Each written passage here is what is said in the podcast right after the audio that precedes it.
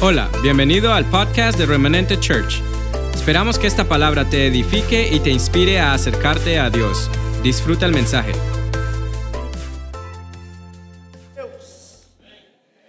Aleluia! Aleluia! Tem fogo aí? Hay fuego ahí. Tem fogo aí? Hay fuego ahí. Aqui tem fogo. Aquí hay fuego. Glória a Deus. Gloria a Dios. Aleluia! Aleluya. Graça e paz, irmãos. Que la gracia y la paz esté con vosotros. É uma alegria muito Amém. É- grande estar neste lugar. Es una alegría muy grande estar en este lugar. A alegria maior é saber Y la alegría más grande es saber que nós estamos no centro que nosotros estamos en el centro da vontade do Senhor. de la voluntad del Señor. E a vontade do Senhor é boa, Y la voluntad del Señor es buena, é agradável es agradable e é perfeita. y es perfecta. Por isso estamos no lugar certo. Y por eso estamos en el lugar correcto. Então, descansa teu coração Entonces descansa tu corazón. e escuta o que Deus vai falar Y escucha lo que Dios va a hablar nesta hora. en este momento. En nombre de En Jesús. nombre de Jesús. Amém? Amén. Fiquemos de pé. Vamos a ponernos de pie, por favor. Quero vos falar nesta hora, Yo quiero hablarlos, nesta tarde, hablarles en esta tarde sobre o altar do holocausto. acerca del altar del holocausto. Falar em altar, Hablar acerca del altar, falar em holocausto, hablar acerca del se holocausto, fala de fogo. se habla de fuego. Aí você pergunta ao seu vizinho: tem fogo aí? Y entonces tú preguntas a tu vecino, ¿hay fuego ahí? Tem fogo aí? ¿Tienes fuego?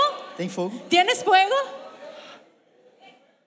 Então queima, Entonces quemes. queima, Que queme. queima, Que queme para a glória do Senhor, para la gloria del Señor. que arda no seu coração Que arda en su corazón o fogo de Deus. el fuego de Dios. Louvado seja o nome do Senhor. Alabado sea el nombre de nuestro Dios. Aleluya. Aleluya. Glória a Deus. Gloria a Dios. O altar do holocausto. Ele, é El altar Levíticos, del holocausto. Levíticos capítulo 6, En Levíticos capítulo do 6, verso 8 ao verso 13. del verso 8 al verso 13. Nós vamos ler princípios Nosotros vamos a leer principios de Deus de Dios para nossas vidas, para nuestras vidas. em nome de Jesus. En el nombre de Jesús. Leamos. Vamos a leer.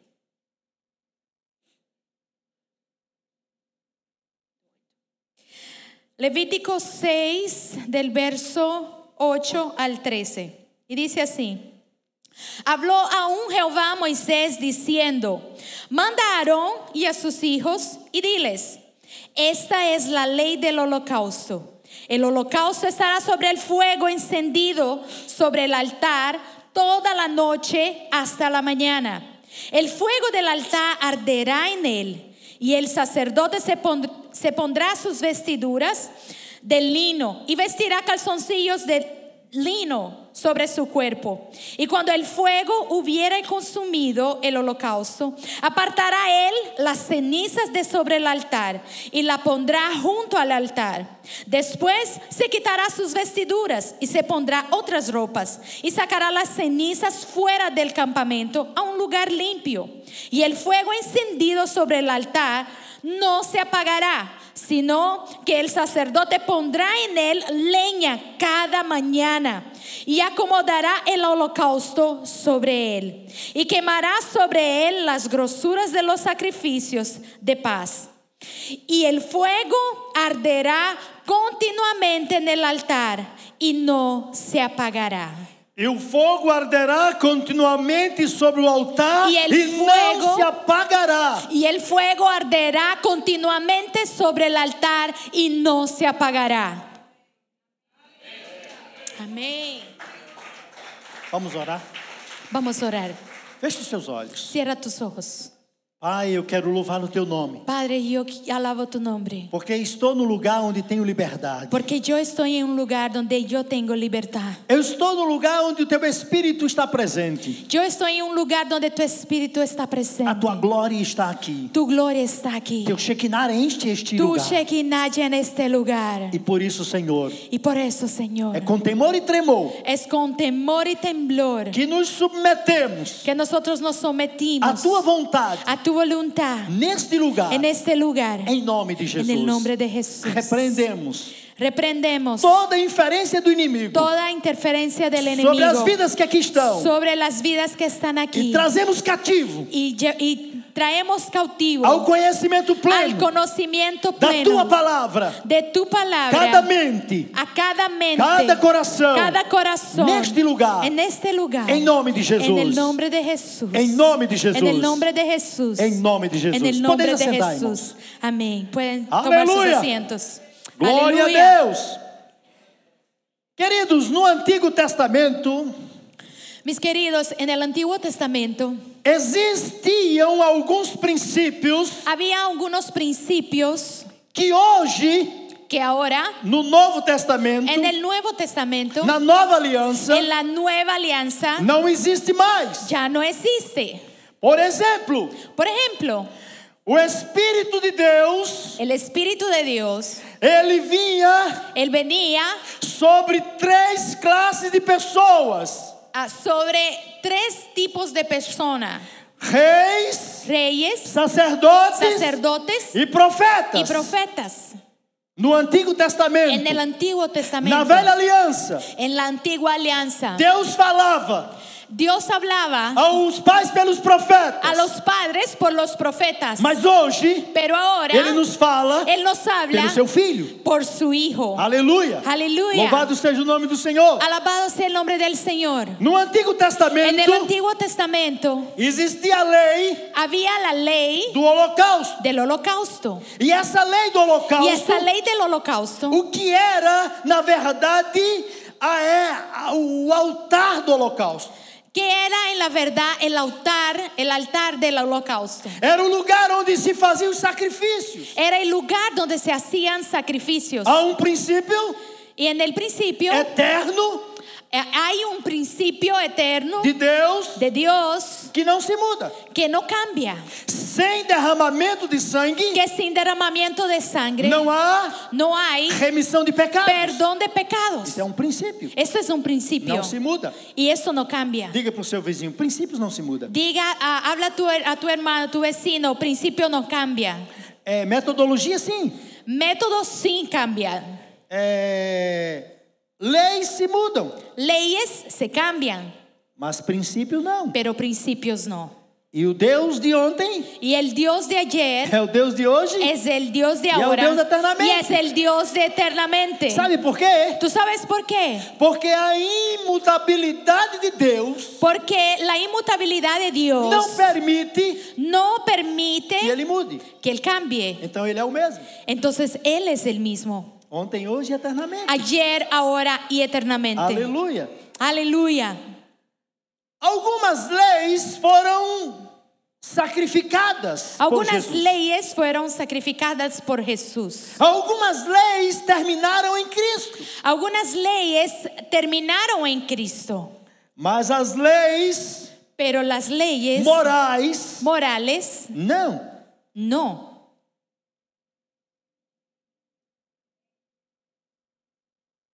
A graça La gracia não alcançou nos ha alcanzado de uma forma soberana de una forma soberana e poderosa, y poderosa, nos garantindo garan- nos dando, nos garantizando a salvação eterna la salvación eterna em Cristo en Jesus. Cristo Jesús. Logo, Entonces, a salvação la salvación não é o, o término. no es el fin, el final.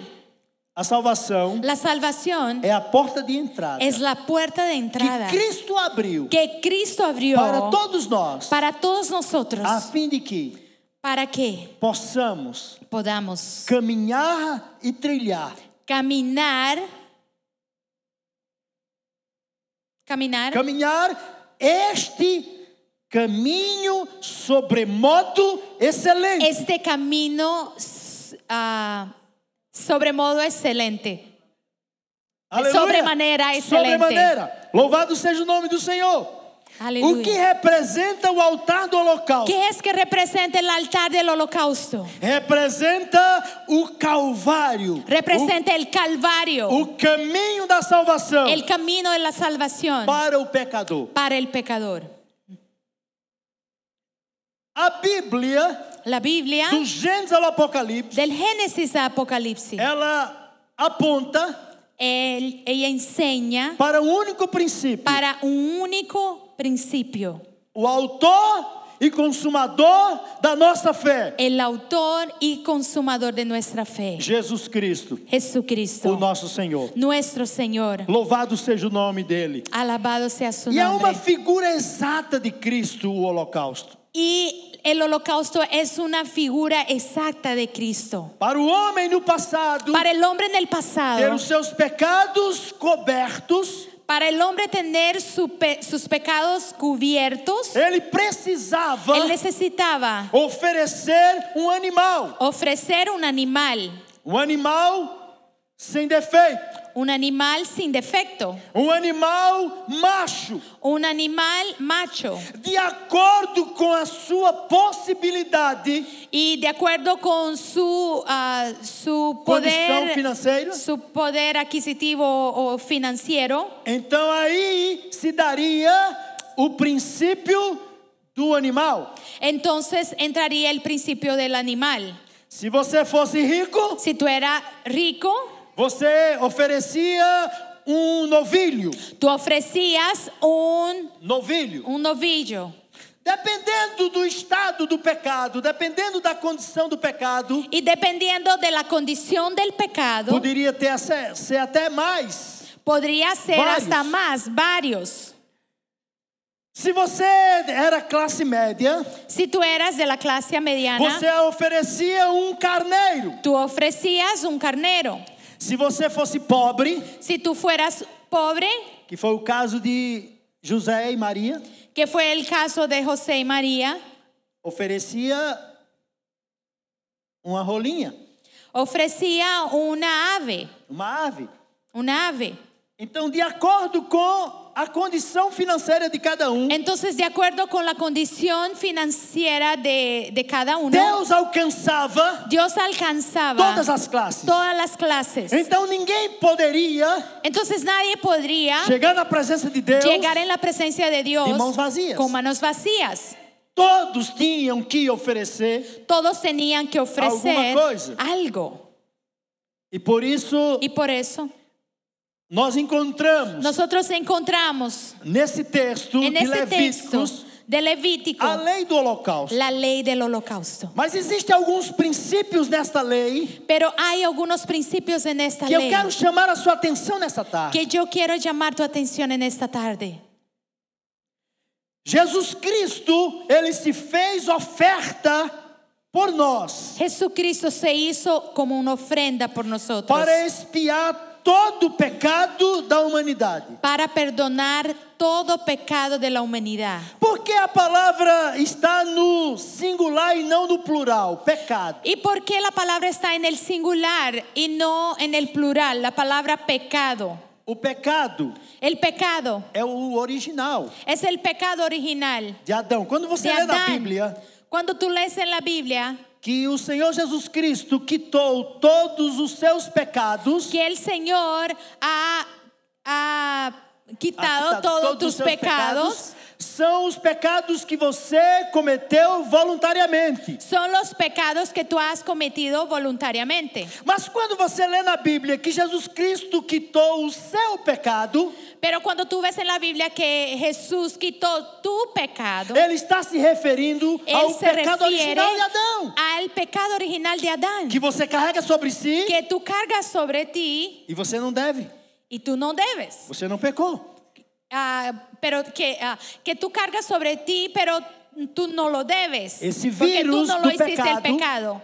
Todo ser humano carrega sobre si. Entonces, este virus, este virus de pecado, todo el ser humano carga sobre sí. Então se fazia necessário Entonces era necesario que houvesse um sacrifício único que é hubiera un sacrificio único. e suficiente y suficiente para alcançar para alcanzar toda a humanidade. toda la humanidad. Portanto, nesta, nesta tarde, Y por eso en esta tarde eu quero dizer para você yo quiero decirte a ti que Jesus Cristo que Jesucristo Segundo as Escrituras Sagradas, segundo las escrituras. em Isaías 53, En Isaías em 53, Zacarias 13, en 7, Zacarías em 13:7, Mateus 26, 39, en Mateo 26, e em 1 Timóteo 2, 5, 6, y en 1 de Timoteo 2, Jesus 5 y 6. Cristo Jesucristo fez-se pecado, se hizo pecado todos Eh. nós. por todos nosotros. ele arrancou Él sacó, todos os pecados Él quitó todos los pecados do passado, del pasado, do presente del presente e do futuro. y del futuro. porém, Pero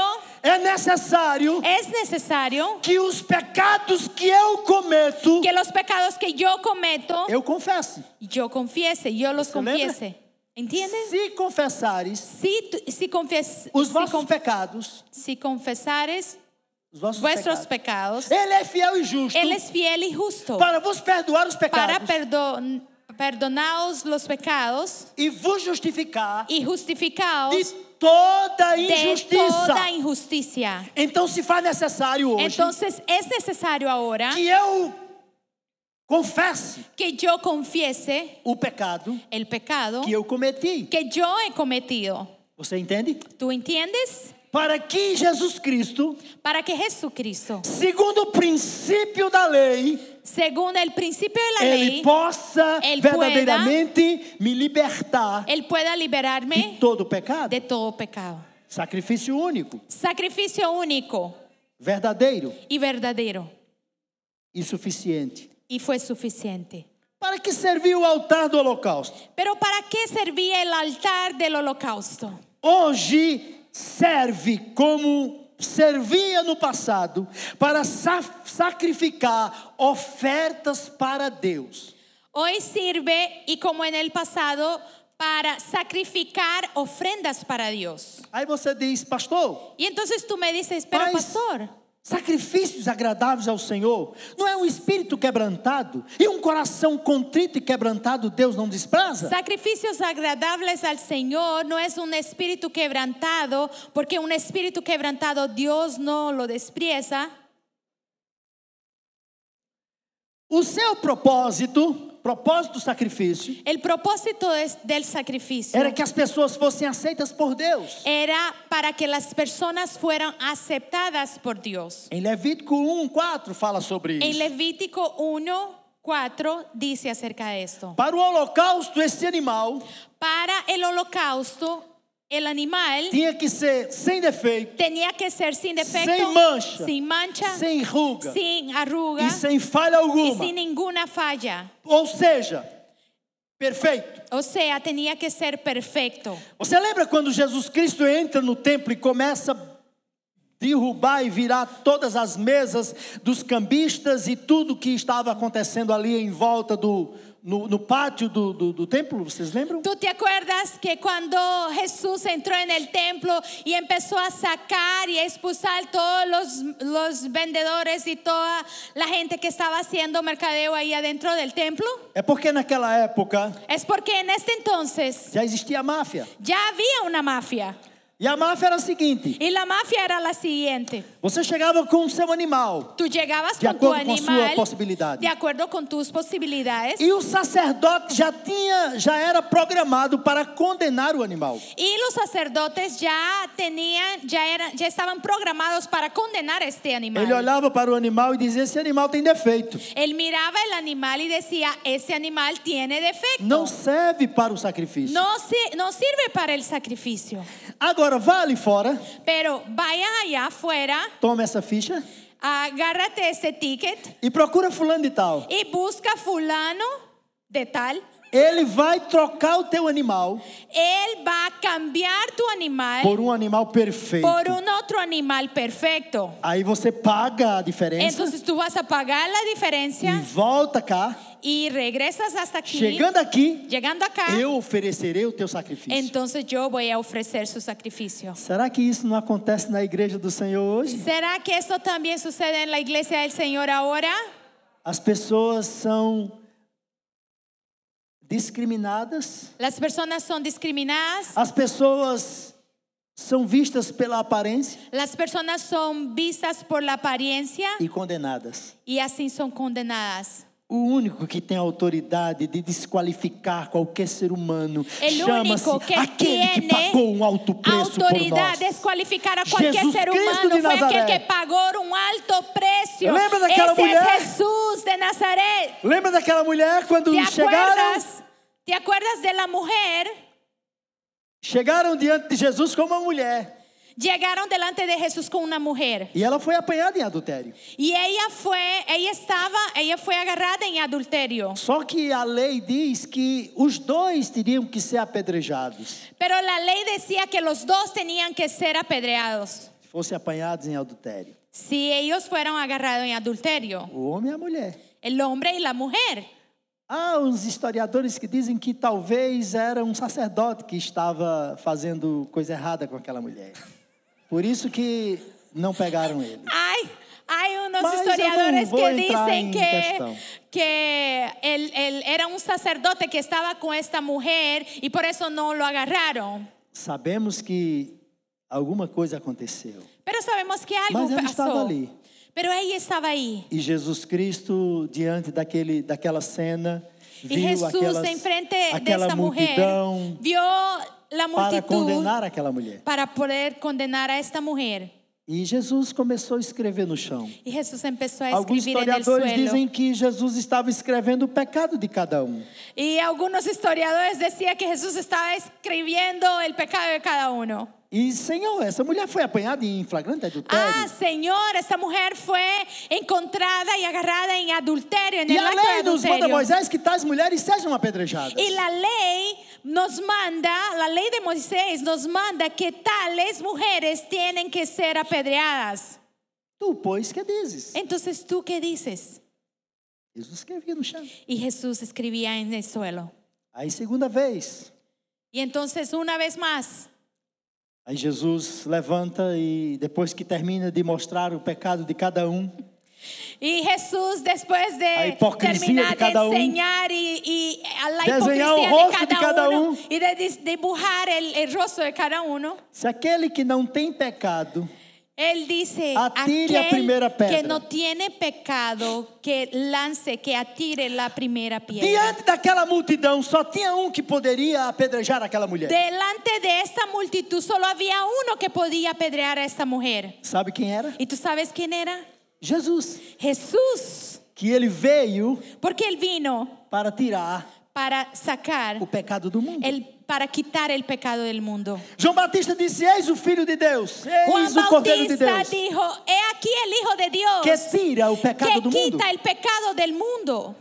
O sacrifício de Jesus Cristo foi perfeito. El sacrificio de La Jesucristo cruz del fue Calvario. perfecto en la cruz del Ele Calvario. derramou o seu sangue, Él derramó su sangre que cobre o pecado de qualquer cidadão, que cubre el pecado de cualquier ciudadano, que arranca que quita, toda mazela que saca completamente cualquier mal de qualquer homem, de cualquier hombre. no nome de Jesus, En el nombre de Jesús. na autoridade deste nome, por la autoridad de su poder. nombre, para purificar que hay poder o para mais purificar. vil pecador. el pecador más terrible. Aleluia, louvado seja o seu nome. Aleluya.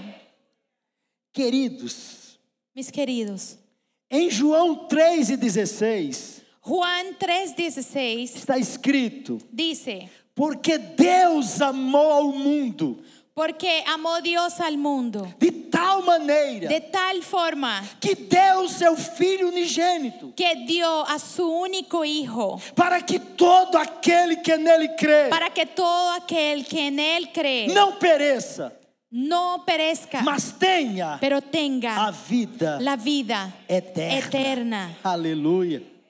Queridos, a palavra do Senhor diz La palabra del Señor dice que Jesus Cristo que Jesucristo ofereceu um sacrifício ofreció un sacrificio único único e alcança y esto e alcanza alcançou y e alcanzó alcançará y alcanzará toda a humanidade. toda la humanidad. Por isso Y por eso ele veio Él vino através do Espírito a Santo de Deus. través del Espíritu Santo de Não Dios. mais Ya no, habitar em tendas ya no más habitar feita por en mãos tiendas humanas. hechas por manos humanas. Ele veio Él vino não para no para, habitar em casas, no para habitar en em casas, construções, en construcciones, em igrejas. en iglesias. Mas ele agora veio Pero él vino na graça, en la gracia, com o poder, con el poder, com a autoridade con la autoridad de acender de encender a chama do Espírito la Ah, Santo llama del Espíritu coração de cada Santo um de nós. en el corazón de cada uno de Sabe nosotros. por Eh. quê? Y tú sabes por qué. Ele disse: Eu vou para o Pai, Porque él dijo, yo voy al Padre, mas enviarei o Consolador pero yo os enviaré el consolador que permanecerá convosco que permanecerá con vosotros Ah. até a consumação dos séculos. hasta la consumación de los Aleluya. siglos.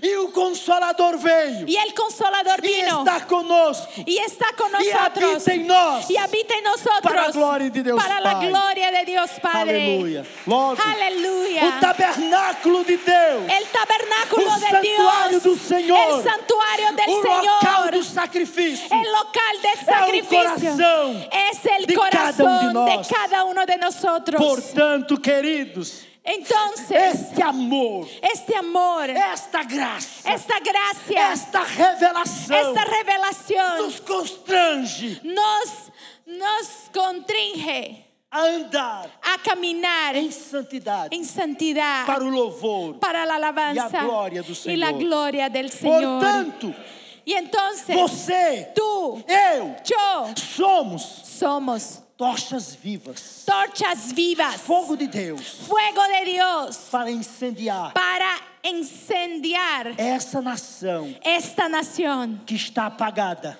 que está apagada pelo gelo por el hielo da indolência, de, de la indolencia, da idolatria. de la idolatría. Porque o valor maior desta nação Porque el valor más grande de esta nación não é Jesus Cristo de Nazaré. no es Jesucristo O de valor maior Nazaret. desta nação El valor más grande de esta nación é a sua moeda, es su moneda, é o seu valor, es, es, es su é valor, o seu status, es su é a estatus, É sua condição es su financeira condición financiera perante o mundo. perante el mundo. Estados Unidos hoje Estados Unidos ahora é es a primeira la primera do mundo del mundo em tudo, en todo, menos menos numa coisa, en una cosa, em ser tocha viva. en ser torcha viva. Há alguns anos atrás, Hace algunos años, nos anos 60, en los años 60, eu fui evangelizado yo fui evangelizado por um americano. por un americano. Eu era menino, Yo era niño na escola bíblica dominical. en la escuela bíblica dominical. Eu era ensinado Yo era enseñado por uma professora por una maestra americana americana que estava no Brasil que estaba en Brasil fazendo missões. haciendo misiones. E eu disse para aquela mulher: Y yo le dije a esta, a esta mujer, quando eu crescer, cuando yo crecer, eu vou pagar aos Estados cuando Unidos yo crezca, yo voy a pagar a los Estados o que os Unidos Estados Unidos fez comigo. lo que los Estados Unidos hizo Porque conmigo. os Estados Unidos me ensinou Porque los Estados Unidos me enseñó a servir a Deus a servir a Dios de todo o meu coração. de todo mi E corazón. quando eu crescer, Y cuando yo crezca, eu vou ser yo voy a ser um missionário un misionero nos Estados Unidos. en los Estados Unidos.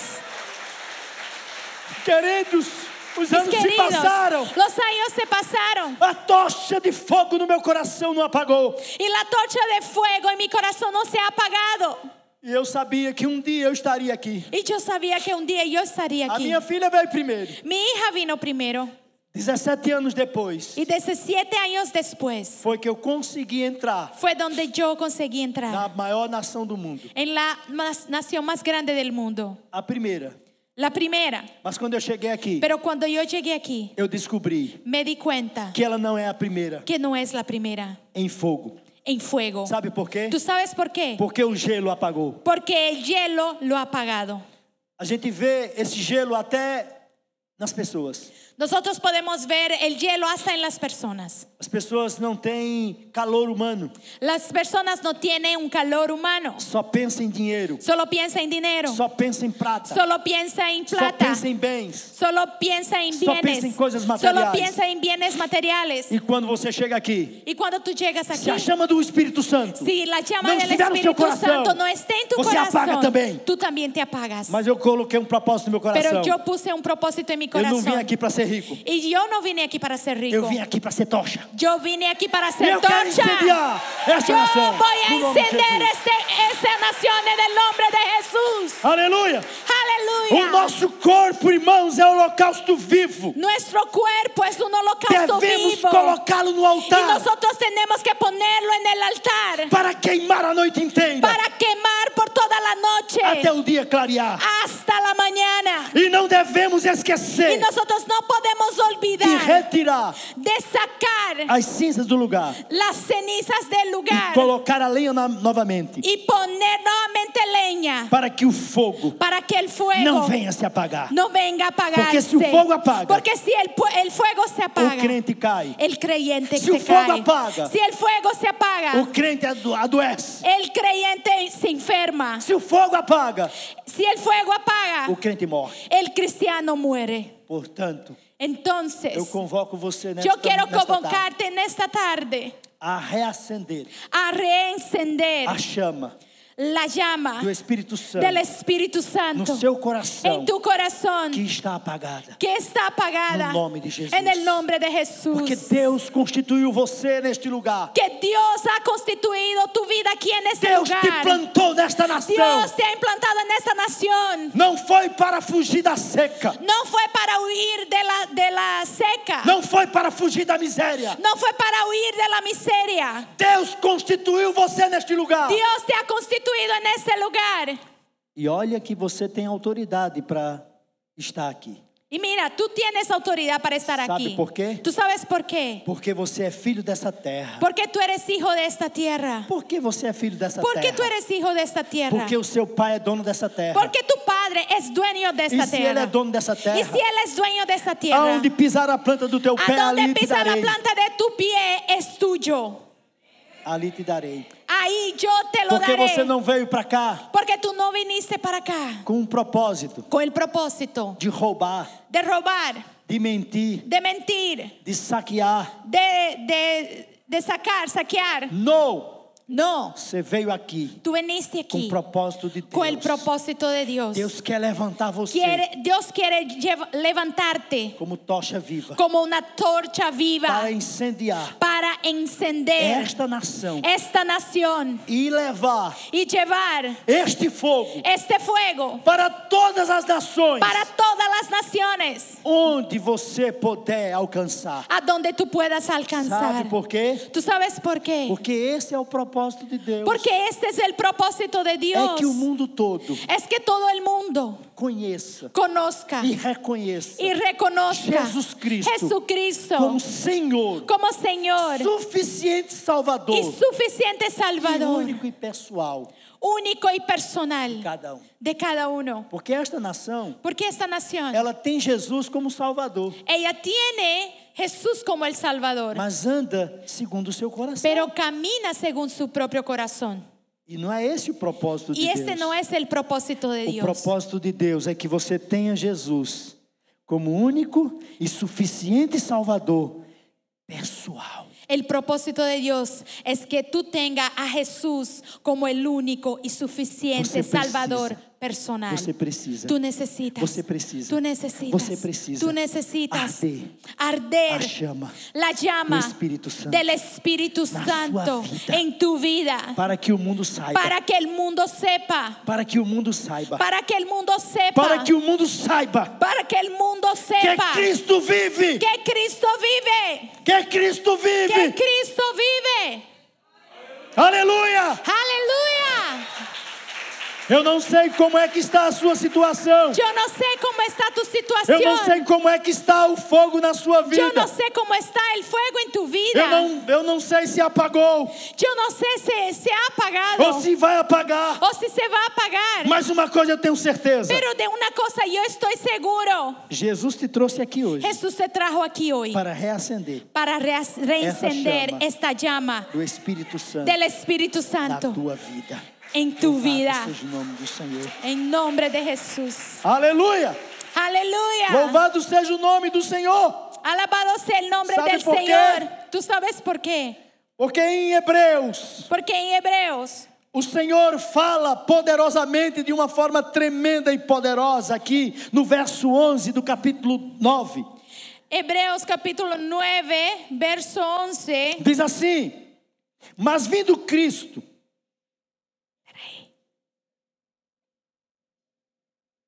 Hebreus 9, 11. Hebreos capítulo 9, 11. Mas vindo Cristo, Pero vino Cristo, o sumo sacerdote dos bens futuros, el sumo sacerdote de los bienes venideros, por um maior e mais perfeito tabernáculo, por el más amplio y más perfecto tabernáculo, não feito por mãos, no hecho de manos, isto é, não desta criação, es decir, no de esta creaci- creación, nem por sangue de bodes e y no por bezerros, sangre de machos cabríos, ni Mas de por seu próprio becerros, sangue. sino por su propia sangre. entrou uma vez no santuário, entró una vez para siempre al Habiendo lugar efectuado santísimo, una eterna sa- habiendo redención. obtenido eterna redención. porque se o sangue de touros e bodes, Porque si la sangre de los toros y de los machos cabríos e a cinza de uma novilha, y las cenizas de la becerra rociadas, Eh, esparzidas sobre os, os imundos, rociada a los inmundos, os santificam, santifican quanto à purificação da carne, para la purificación de la carne, quanto mais cuanto más o sangue de Cristo, la sangre de que ele, Cristo, pelo Espírito Eterno, el cual mediante el Espíritu Eterno se ofereceu a si mesmo, se ofreció a sí mismo Inmaculado. sin mancha a Deus, a Dios. purificará a vossa limpiará consciência vuestra das conciencia obras mortas de obras muertas para servirdes para que sirváis ao Deus vivo. al Dios vivo. E por isso Así que é mediador por eso es de mediador um novo testamento, de un nuevo pacto para que intervindo a morte, para que interviniendo para que muerte a remissão das para la transgressões remisión de las que havia transgresiones debaixo do que primeiro había testamento, bajo el primer pacto, os chamados recebam los llamados reciban a promessa la promesa Ah, da herança de eterna. la herencia eterna. Aleluia. Você é chamado, Aleluya, tú Fiquemos eres de pé. llamado. vamos ficar de Pongámonos pé. de pie. Eu não sei a sua situação, Yo no sé cuál es tu situación, mas uma coisa eu tenho certeza: pero de una cosa yo estoy cierto. o Senhor está te oferecendo El Señor te está um ofreciendo novo princípio, un nuevo principio, um novo começo. un nuevo comienzo. Que a lei do holocausto, Que la ley del holocausto, que são leis morais, não que, é s- sacrificiais. que son leyes morales, não, no são cerimoniais. sacrificiales, no son morales. ceremoniales, son morales. São leis morais Leyes morales que você precisa que uno necesita fazer. hacer As cinzas do altar las cenizas del altar. precisam ser tiradas todos os dias, necesitan ser sacadas todos los días. toda manhã. Todas las mañanas Você precisa tú tienes fazer a limpeza hacer la limpieza no altar do Senhor. en el altar del Señor. Antes de fazer qualquer coisa, Antes de hacer cualquier você cosa, faz uma análise introspectiva tú tienes que hacer un análisis introspectivo e retrospectiva y retrospectivo da sua vida. de tu vida.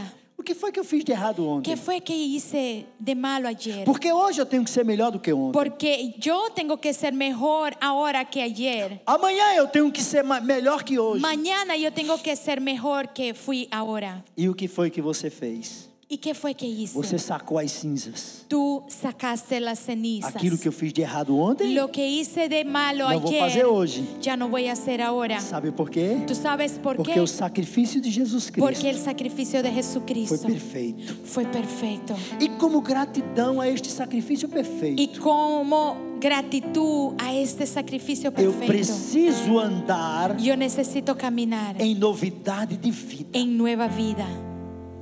Porque Cristo Porque Cristo, é o meu modelo.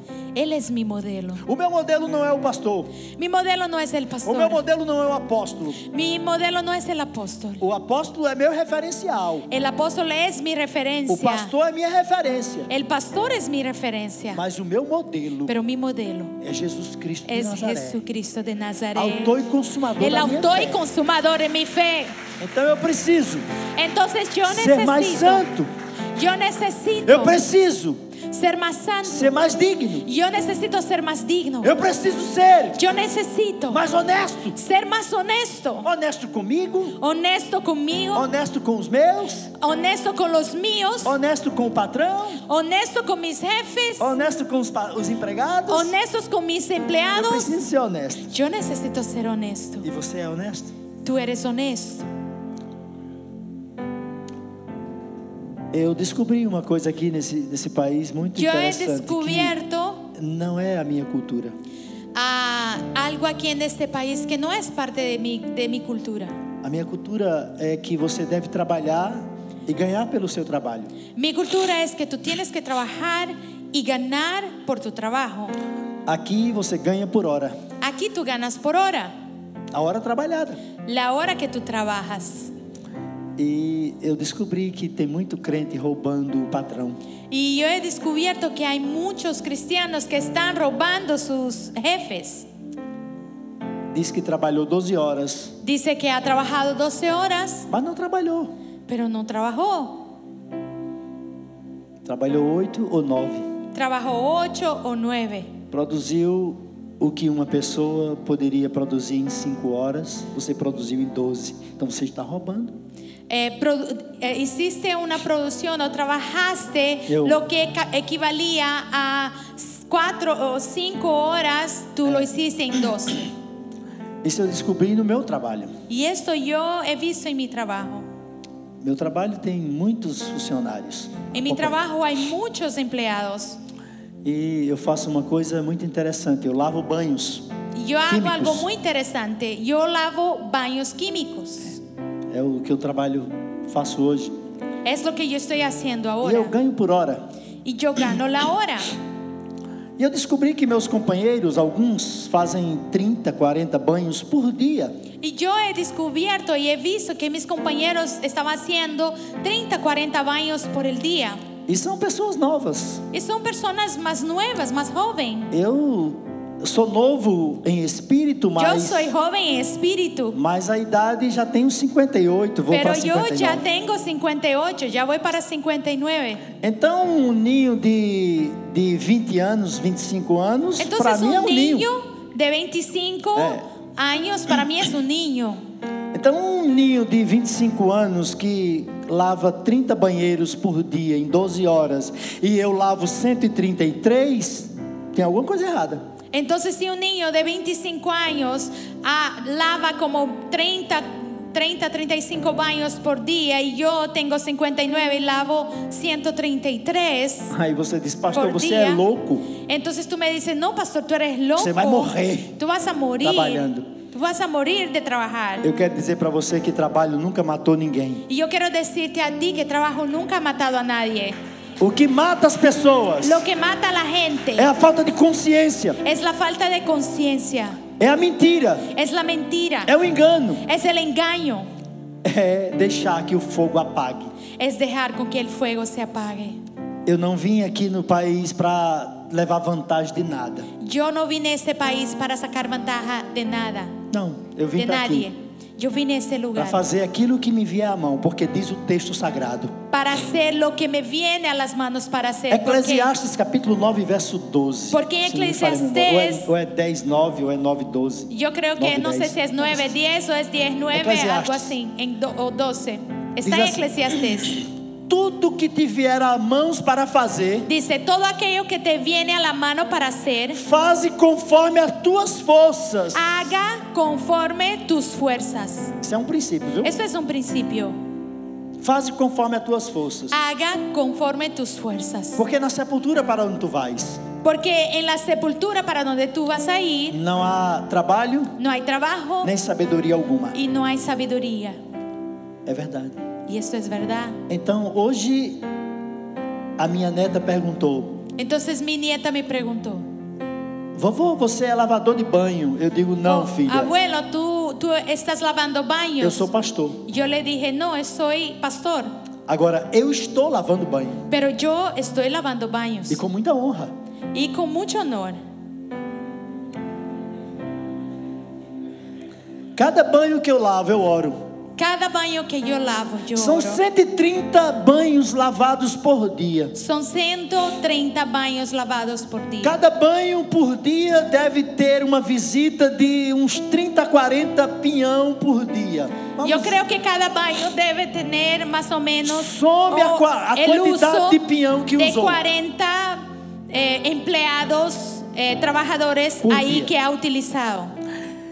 Eu oro por todos eles Yo oro por todos e ellos peço a Deus que salve. y pido al Señor que los salve. Eu estou fazendo a minha parte. Yo estoy haciendo mi parte. Eu estou fazendo o meu melhor. Yo estoy haciendo mi mejor. Se eu sou um lavador de banho ou estou um Si lavando yo banho, estoy lavando baños, eu quero ser o melhor lavador de banho. yo quiero ser el mejor lavador de baños. Se eu sou um lavador de carro, Si yo soy un lavador de carros, eu quero ser o melhor lavador de Yo carro. quiero ser el mejor lavador de carros. Então faça o que você tem que fazer, Entonces haga lo que tú No tienes para que hombres. hacer. No para hombres. porque você não presta conta a homens. Você ¿Por presta qué? conta a Deus. Porque tú no das cuentas a hombres, tú das cuentas a Dios. É Deus que vem. É é Ele Deus. que vem. Aquel Toda que a tua vem. provisão. Toda tu profesión É Ele que abre a porta es e ninguém Él fecha. É que abre la puerta que nadie puede É cerrar. Ele que fecha a porta e Es ninguém abre. Él que cierra la puerta que nadie más puede É Ele abrir. que abençoa. Es Él que te bendice. É Ele que dignifica o Es homem. Él que dignifica el hombre. É Ele que honra. Es Él que honra. É Ele que pega lá do monturo, lá do Es lixo. Él que saca de allá, Lá. de, del- de la basura. Eu estou lá amanhã, Yo lavando estoy banho. allá mañana lavando Ninguém los dá baños. nada por mim. Nadie da nada Mas por hoje eu mí. estou aqui. Pero hoy estoy aquí. É o Deus que eu sirvo. Ese es el Dios que que me yo saca lá do sirvo. lixo. Que nos Ele saca põe allá y aqui. nos pone aquí. Aquí. É Deus. Es É Dios. somente Ele. Es solamente Él. Por isso, queridos, E é por quando isso. é eu vejo isso, o fogo não pode apagar. Y es por eso que tú no puedes permitir que el fuego se apague. O fogo não pode apagar no seu El coração. fuego no puede apagar de não su importa a corazón. situação que você vive. No importa la situación que tú vivas. como você está. No importa cómo tú Não estás. importa como lhe tratam No aí fora. importa cómo te tratan. Não deixe que a chama apague. No dejes que la llama se Porque apague. você é um filho de Deus. Porque tú eres un hijo de Dios. E você aqui não é ilegal não, viu? Y tú aquí no eres ilegal. Sabe por quê? ¿Tú sabes por quê? Porque você só está aqui porque Deus te trouxe. Porque tú estás aquí, porque Dios te ha traído a ese lugar. Só Deus é que é capaz de nos trazer até o Solo lugar. Dios es capaz de traernos a este lugar. Então eu quero dizer para você, Entonces yo quiero decirte, honre, honre, honre honre ao Senhor al Señor. que no tempo exato, que en el tiempo, no tempo propício, el tiempo propicio, Ele te honrará. Él te va a honrar. Amén. Amén. Louvado seja Deus! Alabado sea el nombre del Aleluia! Señor. Aleluya. E eu quero fazer uma pergunta nesta hora. Y yo quiero tarde. preguntarte algo en esta tarde. Como está a chama do Espírito Santo em teu coração? ¿Cómo está la llama del Espíritu Você tem Santo en tu tirado a corazón? Tú has sacado la ceniza E tem colocado lenha? y tú has puesto nueva leña. E lenha, sabe o que é? Y tú sabes qué es la leña. É o relacionamento com Deus. Es la relación con Dios. É você não escutar a voz do inimigo que está É querendo tu tirar você desse no lugar. estar escuchando las voces del enemigo que No. te quiere sacar de este lugar, no. Porque você foi plantado aqui com um propósito Porque de tú Deus. fuiste plantado aquí con un propósito de Dios. Então cria raízes onde você foi plantado. Entonces que tú puedas crear raíces a donde tú fuiste plantado. Para quê? ¿Para qué? Para que possas dar fruto Para que tú puedas dar e fruto que o vosso fruto permaneça. y que tu fruto permanezca. Amém. Amén. Aleluya. Aleluya. Esperamos que este mensaje haya sido de bendición. No te olvides de suscribirte a nuestro podcast y seguirnos en Facebook e Instagram arroba Remanente Church.